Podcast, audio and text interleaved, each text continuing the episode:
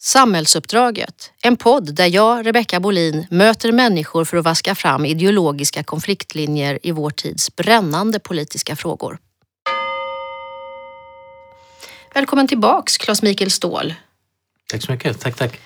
Du är jurist på LO ska vi förklara för de som lyssnar och du är också författare till boken Samhällsuppdraget.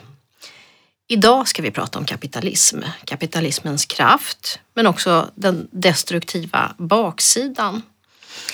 Ja, men för att klargöra vad, vad det är vi pratar om så är det väl kapitalism som en framstegsidé. Livet kan bli bättre. Och en idé som i huvudsak bygger på tre förutsättningar. Krediter, egenintresse, tillväxt. Och jag tänker den där sista aspekten, eh, tillväxt, den är ju väldigt aktuell idag i den klimatkristid som vi lever i. Eh, man pratar om att det är en win-win med tillväxt men samtidigt så köpslår vi med framtiden. Vi lever som vi hade flera jordklot, vilket vi inte har. Är det det enda system som du som demokratisk socialist kan tänka dig?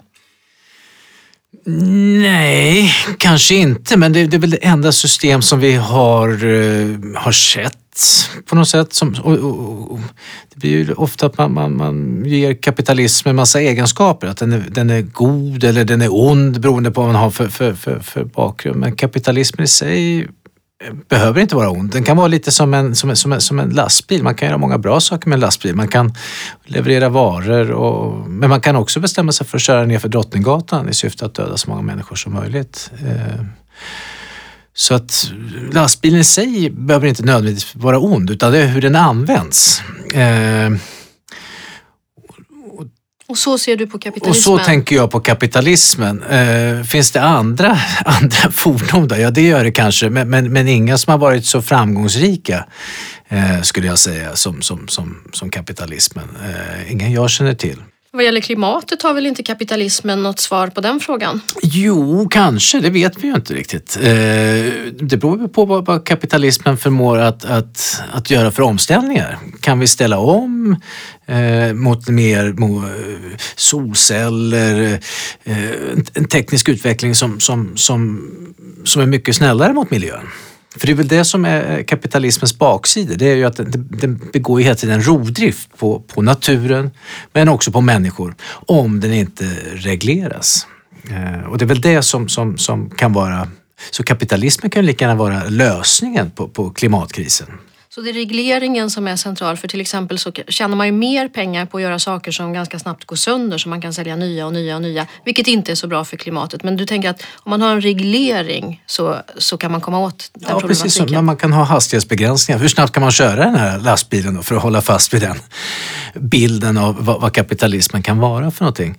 Eh, så det är hela tiden de regelverk eh, och de samhällsvärn som, som, som vi bygger upp för, för att för att skydda oss mot de här destruktiva eller negativa sidorna som, som, som lätt kan uppstå i en oreglerad kapitalism.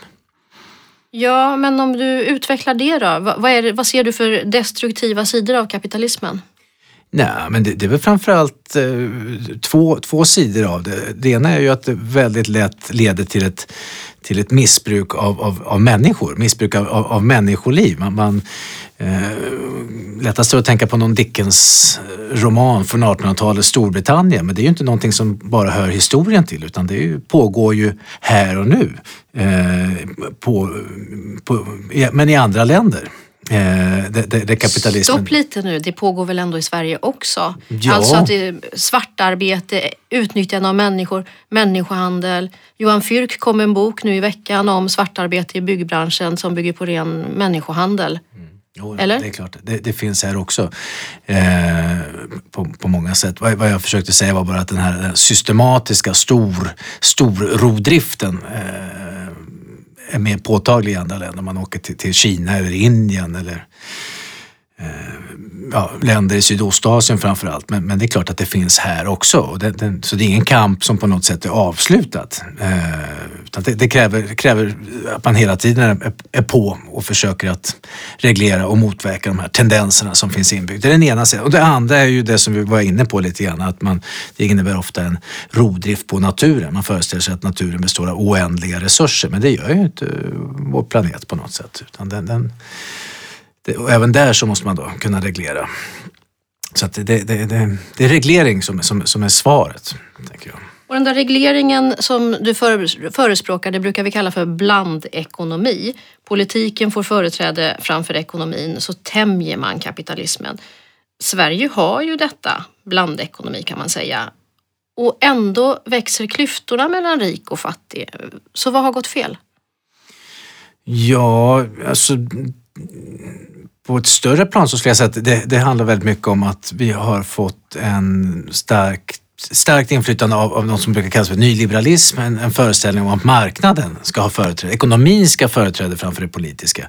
Så när ekonomin får, får vara fri, då uppstår större effektivitet och det har vissa bieffekter, att, att klyftorna ökar eh, och, och, och det drar isär, samhället drar isär. Eh, och det där är ju en tankefigur som har fått vunnit, vunnit stor kraft in i, i, i, i, stora breda delar av samhället och också i politiska partier. Så det är, är liksom ett folkbildningsmission du har att ifrågasätta den enda vägens nyliberala tankefigur? Ja, jag menar ju att, att, att eh, är man demokratisk socialist så befinner man sig hela tiden i någon form av tvåfrontskrig. På ena sidan har man då populisterna som vi pratade om i, i, i för, förra gången jag var här. Och eh, på den, här, på den andra sidan så har man då nyliberaler som, som, som, eh, som innebär ett annat, en annan typ av angrepp på samhällsvärden än, än, än vad populisterna står för.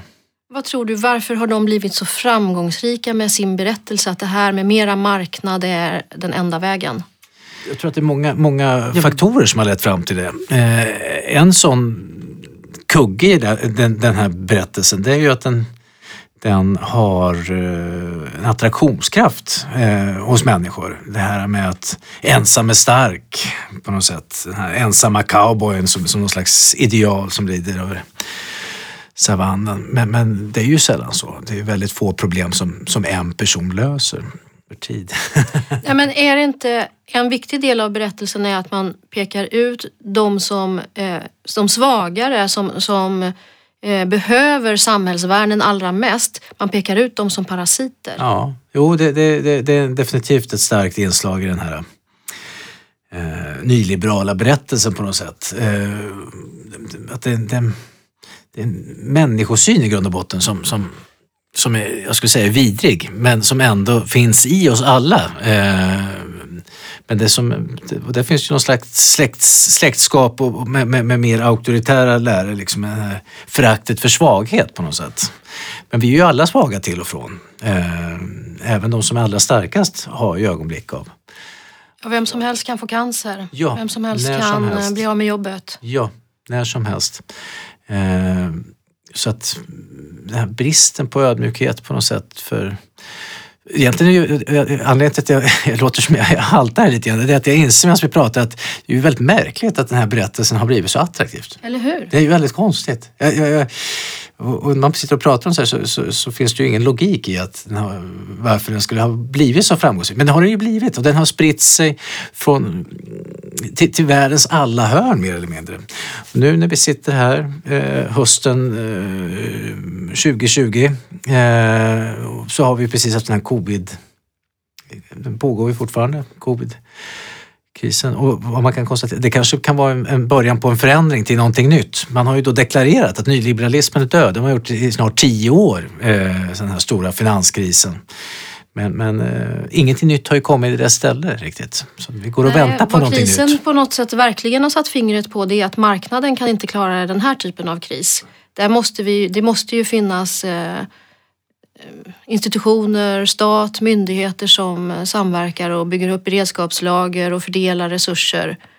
Tror du att det här blir ett egentligen i praktiken kraftfullt slag mot den nyliberala berättelsen? Ja absolut, det måste det bli. Eh, jag kan, jag kan inte se någonting annat som kommer ut av det här. Och, och, det, och det är det vi har sett också, hur, hur den här idén till exempel om det finanspolitiska ramverket som vi har kringgärdas av i 20 år, eh, sedan 90-talskrisen, där, där, där, svenska politiker oavsett politisk färg har tävlat i att vara mest sparsamma och spendera så lite som, så lite som möjligt. Vilket i grund och botten är en nyliberal idé.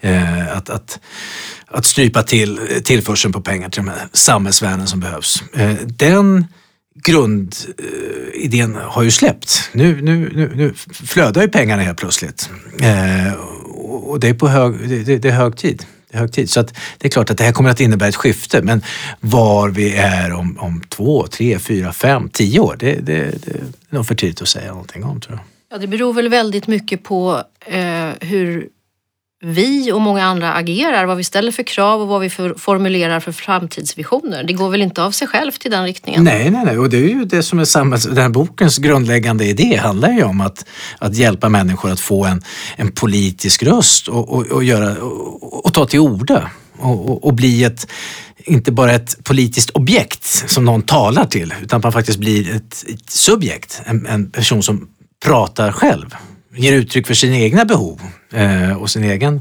lust på något sätt. Och, och, och, så här finns det ju alla möjligheter. Det är en väldigt spännande tid. Och det förutsätter ju på något sätt att, att det politiken får företräde framför ekonomin i, i den här blandekonomiska modellen. Och, och, och, vad är det som behöver förändras för att, för att det ska bli så? Ja, jag tror att man, man eh, politiken måste börja göra skillnad i människors liv. Eh, på riktigt. Det, det, det, kan liksom inte vara som det har varit. Man pratar om stora satsningar och, och, man pratar om, för att ta något exempel, det var något, något eller ett eller två år sedan, så nu ska vi satsa på elbussar och så hade man lagt 40 eller 50 miljoner på, på elbussar. Vilket då i en statsbudget är i princip ingenting. Det, det, är liksom, det är en sån liten del av budgeten. Så att, Vad är de stora de summorna i budgeten? De stora, de stora, det är ju välfärdsstrukturerna, försvarsstrukturer, utbildning, skola, rättsväsende, rättsväsen och sådana här saker. Det, det, det är det som eh, utgör de stora, stora posterna. Eh. Men är det inte viktigt med de här små sakerna också? Jag menar, det kom, eh, de senaste åren har vi fått gratis glasögon till barn. Det är kanske ingen jättestor budgetkostnad men ganska viktigt för en ensamstående förälder med flera barn. Absolut. Absolut, nej, det, jag, jag, jag, menar inte och, och, att det ska låta som på något sätt att det inte har någon betydelse. Det är klart att det har jättestor betydelse i många människors liv. Eh, vad jag menar är bara att, att man, det måste finnas ett växelspel här mellan att att eh, politiken ska göra skillnad. Det måste liksom märkas i människors liv och inte bara i några enstaka människors liv utan det måste finnas en, en, en skapas en, en, en upplevelse och en känsla av att, att framtiden blir bättre våra barn ska få det bättre än vad vi har det idag. Men när, när, den, när den berättelsen inte finns där, då är det väldigt lätt att man, man glider tillbaka. Eh, och, och då är det väl ju... ganska viktigt också att vi pratar om få det bättre. Vi kan inte längre bra, bara prata om materiellt välstånd med tanke på klimatet, eller hur? Nej, det, det, det finns väl också en sån, sån dröm på något sätt, att man, man tänker på människan väldigt mycket som, som, eh, som ett materiellt objekt. Men vi, vi har ju massa känslor, och upplevelser och tankar och ett mentalt rikt inre liv och det måste man också ta höjd för i, i, i politiken. Så att, eh, det, det, det, är både och. Det är både och. Du, jag sitter och funderar igen det här på den nyliberala berättelsen. Alltså, en viktig del av den är ju att det är viktigt med eh, att samhället drar isär. Om de rika blir rikare så är det bra för det sipprar ju alltid ner en del av välståndet till de fattiga så på köpet får de det bättre. Så ju större klyftorna blir desto bättre blir det för alla. Mm. Finns det någon gnutta sanning i det här eller är det bara en myt?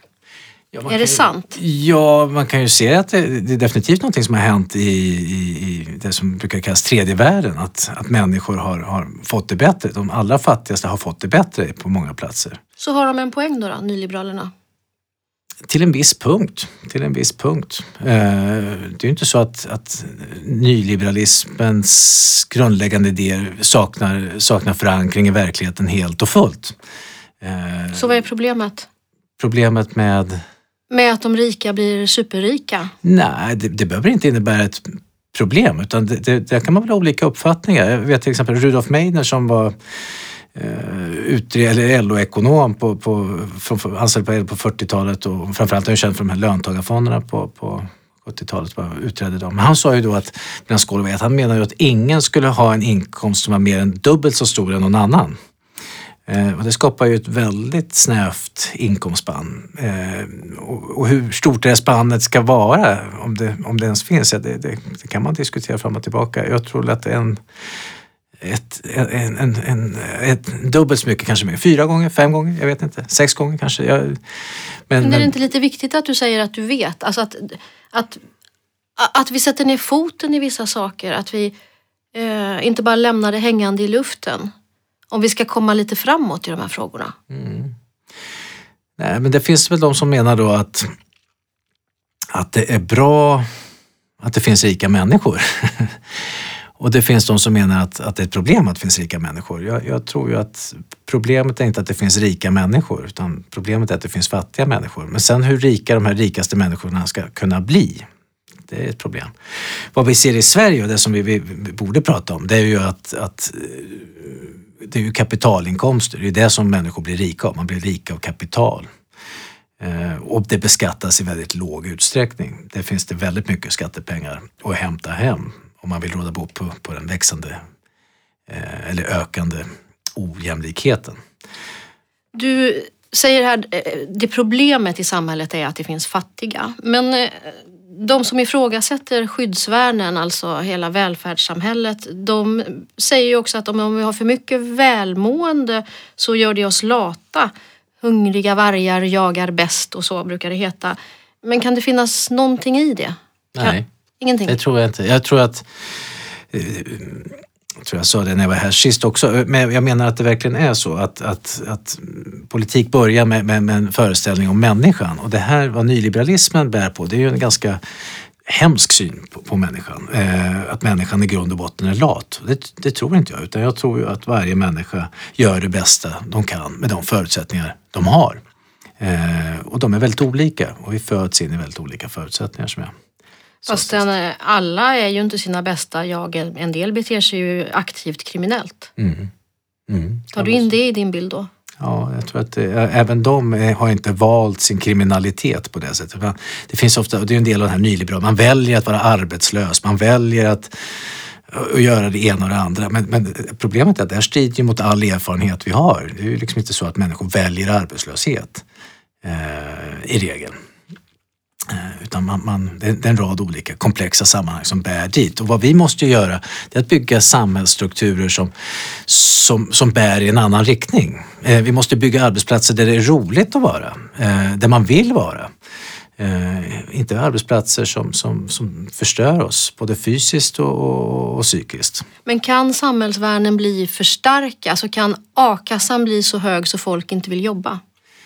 Det finns säkert en sån nivå också. Det finns ju en sån här diskussion eh, som, som förs, inte så mycket i Sverige, men, men, men i stora delar av Europa, om medborgarlön till exempel. Hur mycket alla människor ska ha rätt till, till en grundläggande lön som man föds i. Och då, då, då, dyker den här diskussionen upp. Och det är klart att, igen som jag sa förut, det är ju inte så att det inte finns någon sanning här. Det är klart att det finns en, låt oss säga att man skulle ha en medborgarlön på, på ja, säg något belopp som man kan leva gott på. Ja, då minskar ju människors intresse för att arbeta. Såklart. Men var de här gränserna går, det är svårt att säga. A-kassan är ju väldigt på tapeten just nu. Med, det blev en tillfällig reform av den i och med coronakrisen och nu är den uppe i den kommande höstbudgeten. Eh, från nyliberalt håll eller från de borgerliga partierna så hävdar man ju att eh, den där tillfälliga höjningen måste bort. Mm. Vad säger du? Nej, det, det, är klart att den ska vara kvar. Den, svensk a-kassa har ju har ju blivit väldigt låg och är inte alls som det ibland kan låta något eh, exceptionellt bra utan det är ju inte ens medelnivå på europeisk nivå. Och varför är det så viktigt att man har en bra a-kassa om man blir arbetslös? Ja, fackligt så är det ju väldigt bra eh, för att det innebär ju att man förhindrar underbudskonkurrens och kan upprätthålla kollektivavtalet och priset på arbete. Det, det är liksom en facklig ingång. Men det är också en, en trygghet för den enskilda individen att veta att man, man har en inkomsttrygghet. Som att eh, arbetslöshet ska ju inte behöva betyda att man får lämna hem och, och hus och, och, och barnen ska få, få, få, byta skola eller lämna skolan till och med eller vad det är för någonting som, som kan tänkas hända. Och sen finns det ju en annan aspekt också att även den som är arbetslös om den har en hyfsad inkomst också har köpkraft. Ja, ja precis. Ju, och jag tänker att vi kan komma in på, vi kan prata lite Keynes. Keynes, ja. John Maynard Keynes. Eh, han var ju en socialliberal i grunden, nationalekonom. Men han pratar mycket om det här om att stimulera efterfrågan genom en ekonomisk politik. lånefinansierade offentliga investeringar och stimulanser får fart på hjulen och framförallt då botar massarbetslöshet. Magdalena Andersson, vår socialdemokratiska finansminister, hon har ju de senaste åren upprepat som ett mantra vi behöver spara i ladorna, vi behöver spara i ladorna om och om igen. Vi var inne på det att hon lägger fram en historiskt offensiv höstbudget just nu i dagarna när vi sitter och pratar till följd av coronakrisen. Men, men borde hon och hela arbetarrörelsen luta sig mer mot Keynes under goda år? Investera mer i skola, vård, omsorg, eh, alla värn vi pratat om och kanske framförallt ödesfrågan klimatomställning. Mm. Mm. Ja, nej, nej, nej. Keynes har ju aldrig dött eh, på något sätt som det ibland kan låta utan eh, den grundläggande idén här som, som växte fram på 30-talet på 30 eh, bland Keynes men också här i Stockholm bland, bland, bland, bland duktiga ekonomer handlar just om, om att när det är dåliga tider så ska man investera. Eh, och det är staten som ska göra det, eh, det offentliga. Och i, i, i goda tider så ska man också dra ner. Eh, och, och, mycket av den, här nyliberala, den nyliberala ekonomismen, eller vad vi ska kalla det för någonting, med Milton Friedman och så här, den, den växte ju fram mot den bakgrunden att det visade sig vara väldigt svårt att, att, att hålla igen och dra ner i goda tider. Det var lätt att gasa upp eh, och svårare att och bromsa ner. Men vad är problemet egentligen om man, om man gasar i goda tider? Så nu, nu kommer vi från en, en, en högkonjunktur. Om man skulle lånat upp massor av pengar och satsat på en rejäl klimatomställning, är det ett problem? Ja, nej, det, det, det, är absolut inget problem. Utan problemet blir väl att, att, det som har hänt i Sverige och på många andra platser, det var ju att den här nyliberala idén tog över, att man skulle inte gasa överhuvudtaget. Eh, hela den här eh, finanspolitiken, eh, hela idén om att politiken skulle kunna göra skillnad genom, genom budget, den har ju liksom strypts i land efter land. Så menar du att Magdalena Andersson också har låtit sig luras lite av den retoriken? Ja, inte bara hon utan det är ju, stora delar av, av, den politiska eliten i någon mening eh, i, i, Sverige. Eh. Nu låter du nästan som en populist. Ja, jag vet. Nej, och jag, och jag, säger det igen med tanke jag är ju själv en del av den, den eliten i någon mening. Men det är klart att det, det kan liksom uppstå strömningar i ett samhälle och särskilt Sverige tycks det ju vara så att det finns liksom plats för en idé åt gången. Eh, så länge var vi... Ibland pratar vi om Sverige som att eh, det, det är någon slags mellanmjölkens land, liksom, landet lagom. Men, men det är ju ett helt sätt att förstå, fel sätt tycker jag att förstå Sverige. Utan det, Sverige är ett ganska extremt land. Vad menar du då? Nej, när, när, när välfärdsstaten växer fram eh, på, på 30, 40, 50, 60 och 70-talet framförallt så var det ju inte bara i Sverige som gjorde det, det var ju hela världen. Men Sverige var ju det land som, som, som gick längst. Eh, när nyliberalismen slår igenom på 90-talet så är det Sverige det land som går längst med att eh, avreglera skolor och, och privatisera och vi har ju till och med en välfärdsmarknad i Sverige. Eh, skolor som är vinstdrivande, vilket vi är ensamma om i hela världen. Coronakrisen, hur har vi hanterat den? Ja, vi är ju igen ett land som, som, som verkligen sticker ut. Och pensionerna sticker vi ut. Förlåt? Pensionerna sticker ja, pension, vi ut också. På, på en rad olika områden. Så att man, man ska inte förledas att tro att Sverige är ett land som är lagom. Eh, utan Sverige... Ja, men samtidigt så sticker ju Sverige ut åt andra hållet. Vi har jämförelsevis väldigt mycket starkare fackföreningar. Mm. Vi har eh, fri skola, vi har komvux, vi har barnbidrag, mm. förskola. Mm. Alltså vi, vi har ju starkare värn än många andra länder. Absolut, och det, mycket av det här är ju bra vi sticker ut på bra sätt. Men, men, jag försöker bara säga det att, att, att, det finns en tendens till att det blir väldigt mycket i Sverige eh, när vi gör saker. Och som sagt, många gånger har det ju varit och är bra konsekvenser, men ibland blir det dåliga saker också. Som till exempel, då för att komma tillbaka till det vi pratar om, eh, den, den, ekonomiska politiken som, som, som har varit väldigt stram. Och den här liksom strama ekonomiska politiken som bygger i grunden på en nyliberal tanke. I, I boken så kallar du den här nyliberala tanken för en auktoritär tradition. vad, vad menar du då? Nej, men bästa sättet att förstå det, det är med, med Margaret Thatcher, eh, Storbritanniens premiärminister på 80-talet. Hon, hon brukade säga då, “There is no solution”, TINA. Alltså på svenska, det finns inget alternativ. Och med det låg ju en, en hel idé om att demokratin ska inte göra skillnad. Eh, utan det enda som gäller det är att, att skapa eh, förutsättningar för, för, för, en eh, ekonomisk tillväxt. Eh, och, och, där ligger ett, en starkt auktoritär eh, idé, alltså om att begränsa demokratins verkningar. Och det är det som är en del av, av, av nyliberalismens grundidé. Där där, där vi demokratiska socialister säger att, att, att det är demokratin och, och, och, och dess institutioner som ska, ska reglera de här olika samhällsvärnen och, och skapa en viss, eh, som ska vara höga och starka, så säger ju nyliberaler att nej, det beror på marknaden. Men det är bara att vi har ju helt olika förutsättningar på marknaden. Eh, demokratin så är ju en person en röst. Och på eh, marknaden så är det ju tusen kronor som ger tusen röster. Ja, man ser det ju när man själv sitter med sina barn och spelar Monopol. Mm. Den som har lite tur i början mm. Den som inte har tur i början den Exakt har ju så. ingen chans. Exakt så. Är det det, det som du menar är det liksom Det är kärnan i samhällsuppdraget. Det handlar om att hela tiden, hela tiden eh, jämna ut förutsättningarna. Eh, för att de, de, de, drar hela tiden. De, de förstärks alltid de här ojämlikhetsdragen. Så att eh, i samhällsuppdraget så försöker vi att jämna ut pengarna efter varje runda. Eh, Medan man i, i, i nyliberalism, eh, ny, ny, nyliberaler skulle nog säga att nej, men det, så ska vi inte alls göra. Utan det jag tjänade på första varvet, det ska gälla också för andra, tredje och fjärde. På det sättet så uppstår stor ojämlikhet på sikt. Vi ska börja runda av, Claes Mikael. Eh, I förra, förra gången du var här så pratade vi mycket om eh, fronten mot populister. Idag har vi pratat mer om fronten mot nyliberaler, doktrinära marknadsliberaler. Så jag tänkte att ska vi runda av med dina tre bästa argument mot marknadsliberaler, nyliberaler? Ja, eh, tre, tre argument mot marknads marknadsliberaler? Nej men för det första, acceptera aldrig den människosyn som man, eh, man ger uttryck för. Människor är inte lata. Eh, människor föds in i olika förutsättningar. Så, så man ska inte acceptera den grundpremissen skulle jag säga. Det andra man ska göra det är att inte heller acceptera eh, idén om att marknaden och ekonomin ska ha företräde framför politiken. Eh, för där vilar också ett auktoritärt inslag. Det kanske räcker med två. ja, två goda argument. Och sen så kanske vi kan lita på den som lyssnar, att den kan formulera det tredje. Just det.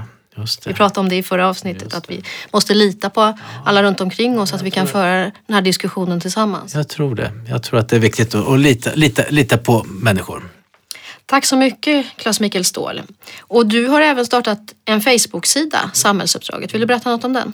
Ja, nej, jag försöker att regelbundet ge, ge, förslag på olika texter. Det kan vara både svenska och utländsk press och media och, och sånt som, som hur det samspelar med, med samhällsvärlden. Så det är ett sätt att, att hålla hålla de som bryr sig om det här informerade. Men det är också en plats där man ska kunna bryta idéer mot varandra så att det är flera diskussionsgrupper där det finns experter på, på, på en rad olika områden som, som är med och kommenterar. Så att det är ett sätt att, att föra, fortsätta dialogen. Det är liksom inte någonting som avslutas. Eh, samhällsuppdraget tar inte slut utan det, det fortsätter hela tiden. Spännande. I nästa avsnitt av Samhällsuppdraget så pratar jag vidare med Enna Gerin om grunden för samhällsuppdraget och samverkan, nämligen människorna. Är det vi eller är det vi och dem? Du har lyssnat på Samhällsuppdraget en podd producerad av Leopard förlag i samarbete med LO och ETC Nyhetsmagasin. Programledare var jag, Rebecka Bolin, producent Johanna Ekeroth och tekniker Petter Brundell.